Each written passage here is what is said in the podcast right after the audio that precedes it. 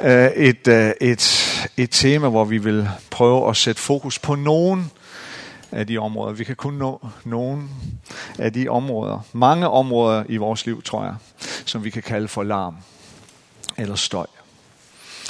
Øh, eller sagt på en anden måde, øh, omstændigheder eller områder i vores liv, som larmer, som tager vores fokus, eller i hvert fald truer med at tage vores fokus væk fra Gud, og som frister os til at tilbede larmen mere end Gud.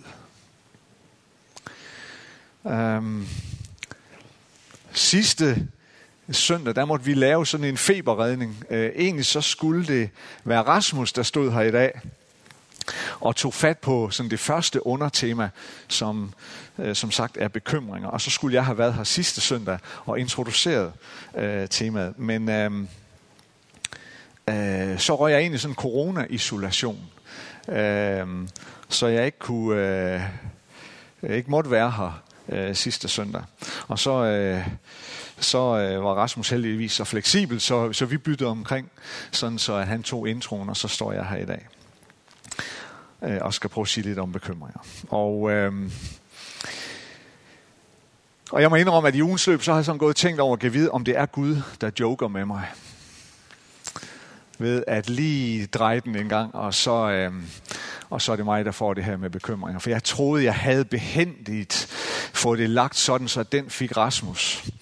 Øh, øh, så jeg, jeg kom uden om det.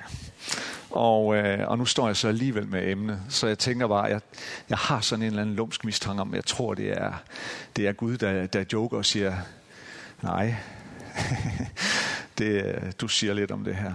Øhm, og, øh, og det hænger sammen med, at øh, øh, og som Mona også mere end antydet, kan man sige, at øh, emnet bekymringer, det er faktisk øh, det er et svært emne for mig at tale om.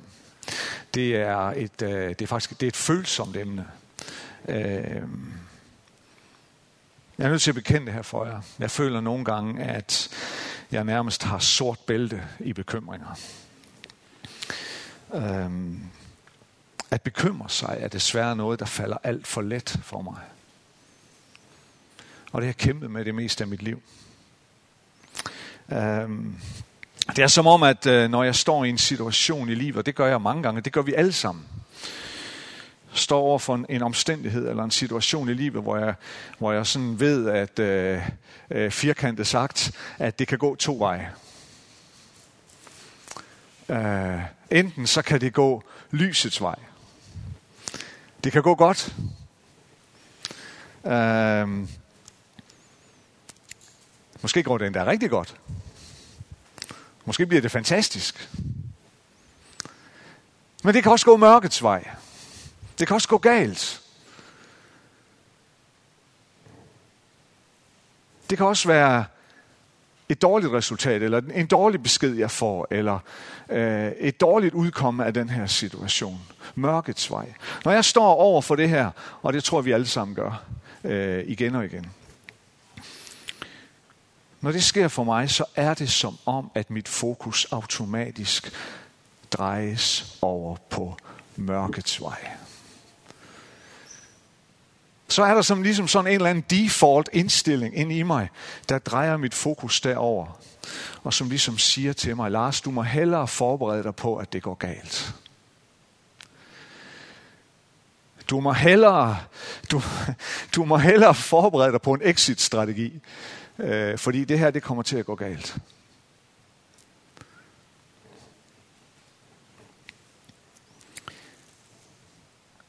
Jeg begynder, jeg begynder automatisk at bekymre mig. Og øh, det, det er i den grad en udfordring øh, at være gift med sådan en som mig. Og det, det antyder hun jo også sådan lige lidt, at det er, det, det er, en, det er en mundfuld for en, som, som har en helt anden, øh, øh, en helt anden evne til øh, stort set altid at se på lysets vej. Øhm, men jeg har det sådan, Øh, og som sagt er det noget, jeg sådan har kæmpet med det meste af mit liv. Jeg har det sådan ligesom, ligesom forfatteren Mark Twain, han sagde engang, og det, jeg tror, jeg har citeret ham flere gange. Mark Twain, han sagde, jeg har haft mange bekymringer i mit liv. Der er bare ikke ret mange af dem, der er blevet til noget. Det kan jeg godt skrive under på. Um, jeg tror, jeg er på en eller anden måde også øh, arveligt belastet på, den her, på det her område. Jeg kan godt sådan finde spor tilbage i min slægt. Uh, i øh, forældregenerationen og i bedsteforældregenerationen. Jeg også i det løber som sådan et eller andet spor der. Øh, men lad os lige prøve at stoppe op og læse lidt om, hvad det er, Jesus han siger om bekymringer. Han siger flere ting. Han siger blandt andet sådan her i Matthæus evangeliet, kapitel 6. Skal vi lige se her. Derfor siger jeg jer, Vær ikke bekymret for jeres liv. Hvordan I får noget at spise og drikke. Eller for hvordan I får tøj på kroppen. Er livet ikke mere end maden, og lægemet mere end klæderne? Se himlens fugle. De sår ikke, og høster ikke, og samler ikke i lade. Og jeres himmelske far giver dem føden. Er I ikke langt mere værd end de? Hvem af jer kan lægge en dag til sit liv ved at bekymre sig? Og hvorfor bekymrer I jer for klæder? Læg mærke til, hvordan markens liljer gror. De arbejder ikke og spinder ikke. Men jeg siger jer, end ikke Salomo i al sin pragt var klædt som en af dem. Klæder Gud således markens græs, som står i dag og i morgen kastes i ovnen, hvor meget snarere så ikke jer i lidet troende. I må altså ikke være bekymrede og spørge, hvordan får vi noget at spise og drikke, eller hvordan får vi tøj på kroppen. Alt dette søger hedningerne jo efter, og jeres himmelske far ved, at I trænger til alt dette.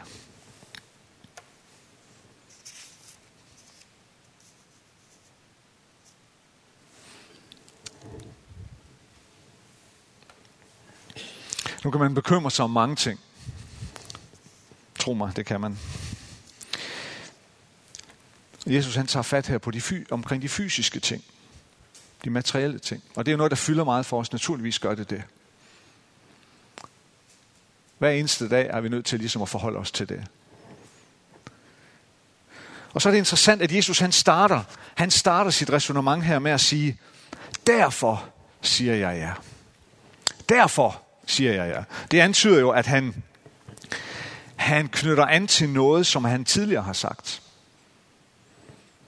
Og derfor så er vi nødt til lige at hoppe et par vers tilbage, øh, for lige at se, hvad der Jesus han siger inden. Og det er faktisk interessant, hvad han siger der. Der siger han sådan her. Ingen kan tjene to herrer. Han vil enten hade den ene og elske den anden. Eller holde sig til den ene og ringeagte den anden. I kan ikke tjene både Gud og mammon. Ingen kan tjene både Gud og mammon, konstaterer Jesus. Det kan ikke lade sig gøre. Men der er også noget, der er lige så interessant, synes jeg. Og det er det billede, Jesus han bruger til at få os til at forstå, hvad bekymringer er, og hvad det gør ved os, og hvad det er, der er bekymringers brændstof. Han bruger billedet på himlens fugle og liljerne på marken. Fuglene og blomsterne. Når Jesus skal beskrive noget for os, noget som er relevant for os mennesker, så bruger han i det her tilfælde, og det gør han også i andre sammenhænge, illustrationer fra noget, som egentlig regnes for værende langt mindre værd end os mennesker. Så tager han et billede fra noget, som er langt, som vi betragter som værende langt mere ubetydeligt end vi mennesker og vi menneskers livssituation. Han bruger fuglene og blomsterne. Han trækker naturen ind i ligningen. Og jeg synes næsten, at det er typisk Jesus. At han bruger et eksempel fra noget, som vi på en eller anden måde kan føle os langt hævet over. Øhm, noget, som vi ikke lægger særlig stor betydning ved måske. Og så siger han til os, dem her kan I lære noget af. Det her kan I lære noget af.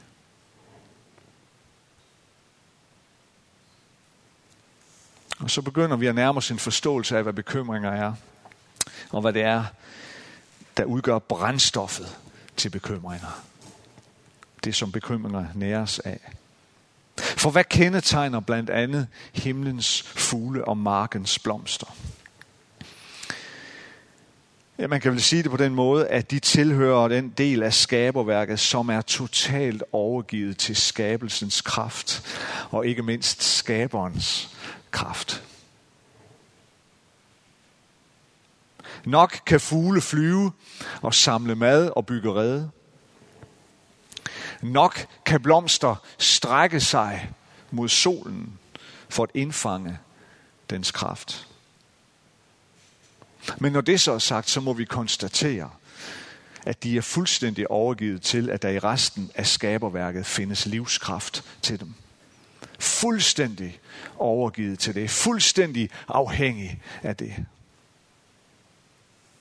De er fuldstændig overgivet til, at skaberen har sørget for, har sørget for, at naturens kraft og naturens cyklus kan forsyne dem med det, de har brug for. Der er ingen anden mulighed. Så man kan sige det på den måde, at med hensyn til fuglene og blomsterne, at i deres overgivelse er det fuldstændig udelt. De har kun den samme hest at spille på. Der er ikke andre muligheder. Og på en måde er det det, der er i spil, tror jeg, når Jesus han i afsnittet lige inden siger, du kan ikke tjene to herrer. Du kan ikke tjene både Gud og så pengeguden, mammon. Det kan ikke lade sig gøre. Og hvorfor kan jeg så ikke det? Fordi mit hjerte så vil være delt. Så er mit hjerte delt. Mit hjerte vil altid være splittet, og jeg vil forsøge at fordele min, min hengivenhed og min tilbedelse lidt begge steder.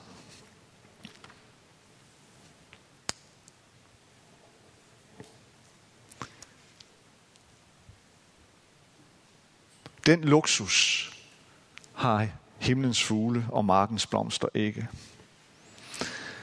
Deres hjerte er udelt, hvis vi kan sige det på den måde.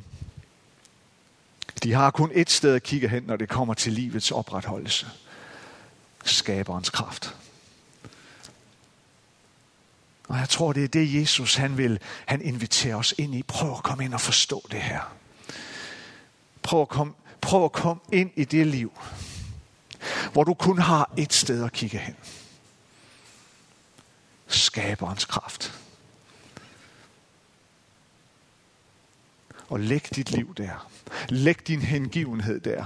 Læg dit hjerte der. Helt og udelt. Og forskellen på at have et, et, et delt eller et udelt hjerte, den er så ubeskrivelig stor. Den er så stor, så Jesus han holder fuglene og blomsterne på den ene side op imod selveste Salomos rigdom og skønhed på den anden side. Det holder han op imod hinanden. Salomo, en af de største konger i Israels historie. Davids søn, som overtog tronen efter sin far. En af de største skikkelser i Israels øh, øh, historie. Så stor og mægtig en konge var Salomo, at han, at han i realiteten var afslutningen på, på, på Israels storhedstid. Ingen magtede at følge efter ham på tronen. Rent faktisk efter Salomo, så begyndte splittelsen og problemerne at opstå i Israel, og landet blev, blev delt i to.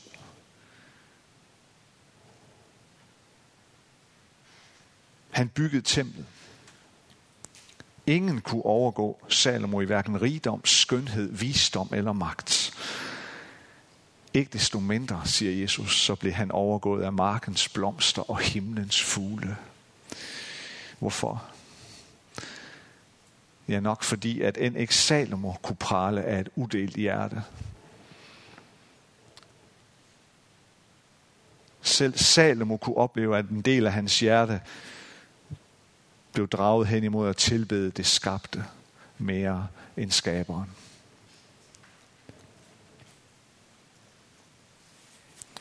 Men jeg tror, der er yderligere en ting.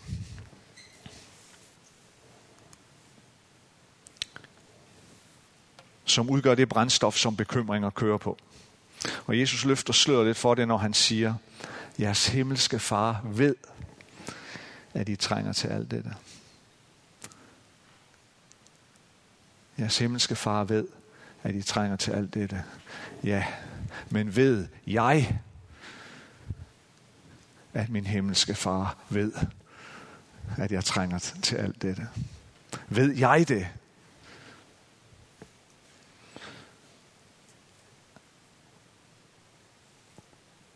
Jeres himmelske far ved, at I trænger til alt dette, siger Jesus. Altså han mener her alt det fysiske.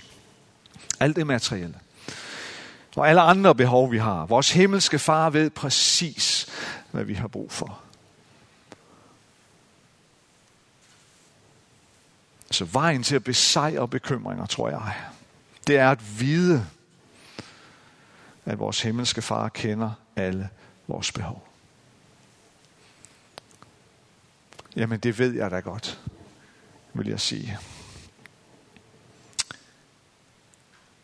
Jeg har været en kristen i mange år.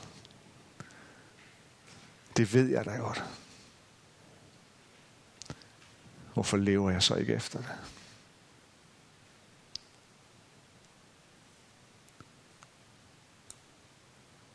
Er troen der kun et skrivebordsprodukt, og ikke et levet liv? Nej, vi ved godt, at troen er et levet liv. Hvorfor er det så, så svært? Hvorfor er det så svært at give slip på det, på det delte hjerte og stræbe efter det udelte hjerte? Hvorfor lever jeg så ikke efter det? Hvis det virkelig var en levende realitet, at alt i mit liv, alt i mit liv og alt i dit liv tog udgangspunkt i vores dybe viden og erfaring om, at Gud ser og kender alle vores behov, så ville mangt og meget nok se anderledes ud i vores liv. Og måske i vores verden. Hvis ikke min viden om, at Gud ser og kender alle mine behov og vil møde dem, hvis ikke det er en levet og praktisk erfaring, så forbliver det en teoretisk viden, som ikke påvirker mit liv sønderligt, som ikke skaber sønderlige forandringer, og det åbner en motorvej for bekymringer.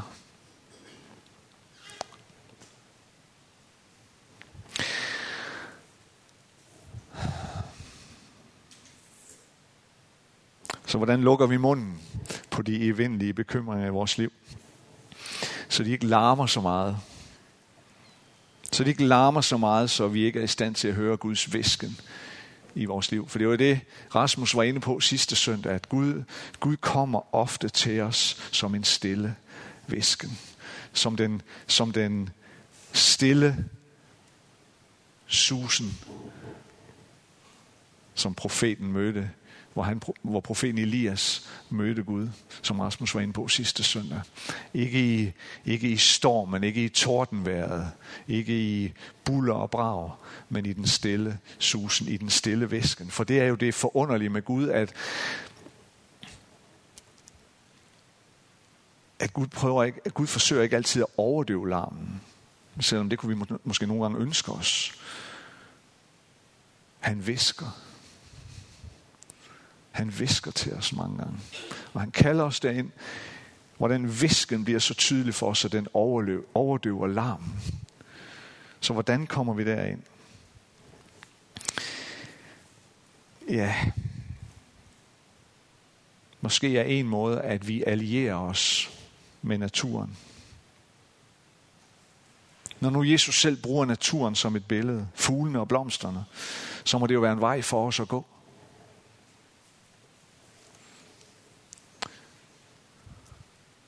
Jeg tror, vi må lære at tage imod den invitation til at indfange skabelsens og naturens under, for at forstå, hvor meget Gud egentlig holder hånden under os og over os. For at forstå, hvor meget han ser, og hvor meget han ved til hver eneste behov, vi har. Både de behov, du kan mærke og kender til, og dem, du ikke engang selv er klar over, at du har.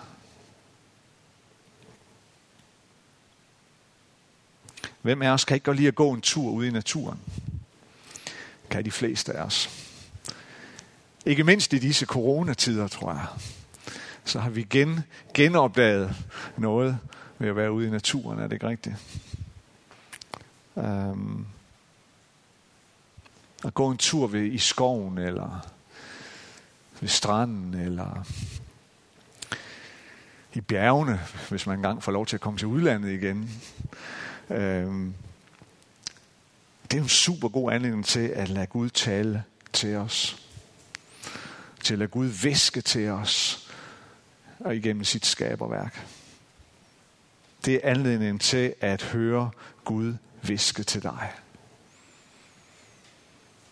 Det er anledning til at høre Gud viske og fortælle dig, hvor højt han elsker dig. Hvor dyrebar du er for ham.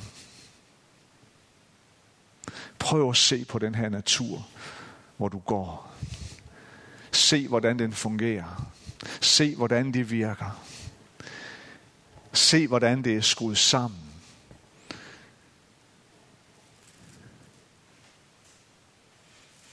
Se, hvordan der er sørget for det hele. Og sæt det så ind i dit liv. Se så, hvor dyrebar du er for mig. Se så, hvor vidunderlig du er skabt. Se så, hvordan jeg har hånd om hele dit liv.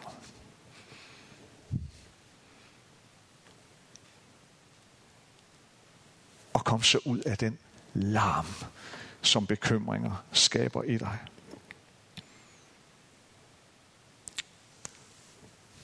Det her skaberværk, der møder os, er langt mere end en æstetisk nydelse. Det er Guds visken til dig.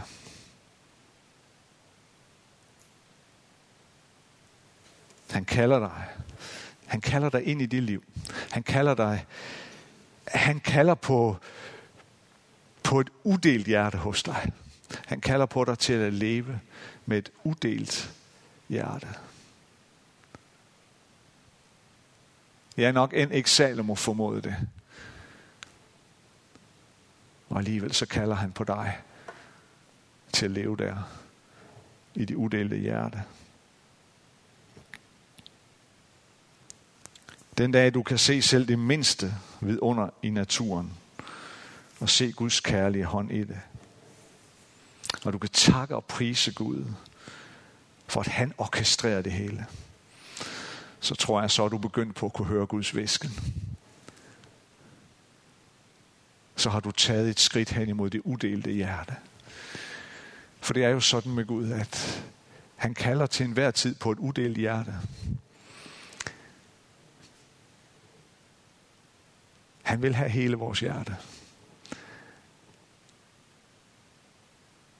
Han vil ikke dele vores hjerte med pengeguden eller med andre afguder.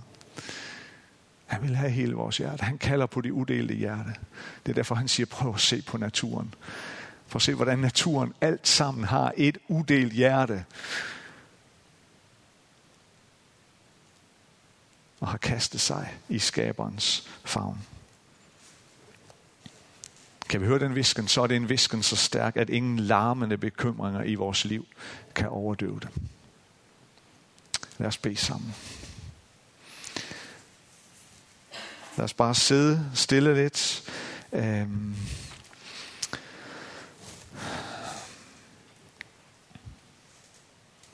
Og, øh, og være i stillhed og være i øh, bøn sammen. Og øh, så vil jeg bede en bøn særligt for dig, som, som kan identificere dig med det her med bekymringer.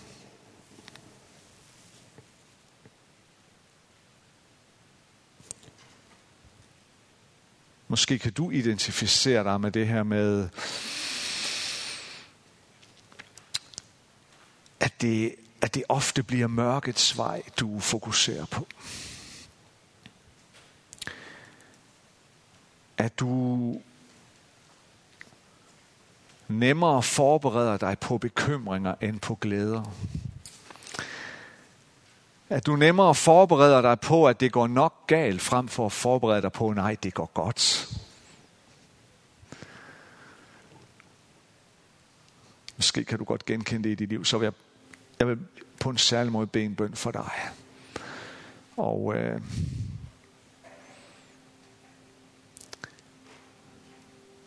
nu har jeg jo nu har jeg jo sagt, at jeg selv står i den flok. Øh,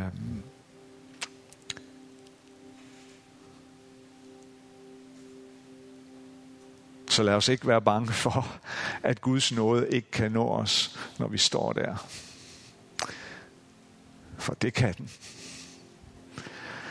Du skal ikke være bange for, at Gud ikke ser dig, når du melder dig under de faner. For det kan jeg love dig for, det gør han.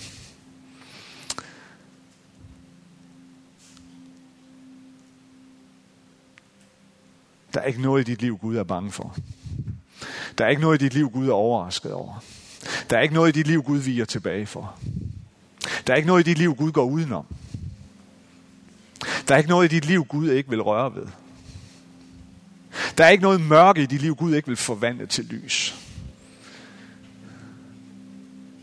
Der er ikke nogen kraft eller nogen indflydelse ind over dit liv, som måske ikke er godt, som Gud ikke kan og vil ændre. Han er her lige nu, lige her, lige i dag for at møde dig, fordi han elsker dig. Du er en krone, du er en perle, du er en skat for Gud. Tro ikke andet. Gud bliver ikke forskrækket over at se på dit liv. Gud viger ikke tilbage for dit liv, eller for det, han ser i dit liv. Tværtimod. Han elsker dig, og han er her for at møde dig. Så far, vi kaster os i favnen på dig. Far, vi kommer med vores delte hjerte, for det erkender vi, at det er. At så let drages vi mod andre ting, som dybest set ikke føder andet end bekymringer i vores liv. Men vi kaster os i form på dig, fordi vi ved, at du er en vidunderlig far. En vidunderlig far. Tak, fordi du elsker os. Og nu beder jeg særligt for dem, som os, som, som kan mærke det her med at blive draget mod den mørke udgang. Og altid føle en tendens til at, blive, at bekymre os og tro på, at det nok går galt. Far, forbarm dig over os. Hjælp os se noget til os. Tak, at du er så god og kærlig. Tak, at du er så fantastisk. Tak, at du bliver ved med at kalde på os. Tak, at du bliver ved med at viske til os om din kærlighed, om din nåde og dit kald og din omsorg. Og derfor så kommer vi til dig i frimodighed, far tage vores delte hjerte og gøre det til et udelt hjerte. Tag vores hjerte, som kan være hårdt og føles som af sten, og gør det blødt og formbart og fantastisk. Tak for din nåde. Og tak fordi du er her. Tilgiv os, når bekymringerne overmander os. Tilgiv os, når vi går mørkets vej. Og bliv ved med at kalde på os en af lysets vej. Så vi ser endnu mere af dig, så vi ser endnu mere af din storhed. Ser endnu mere af det, du har planlagt for os. Vi takker og priser dig i Jesu navn. Vi lover og ophøjer dig.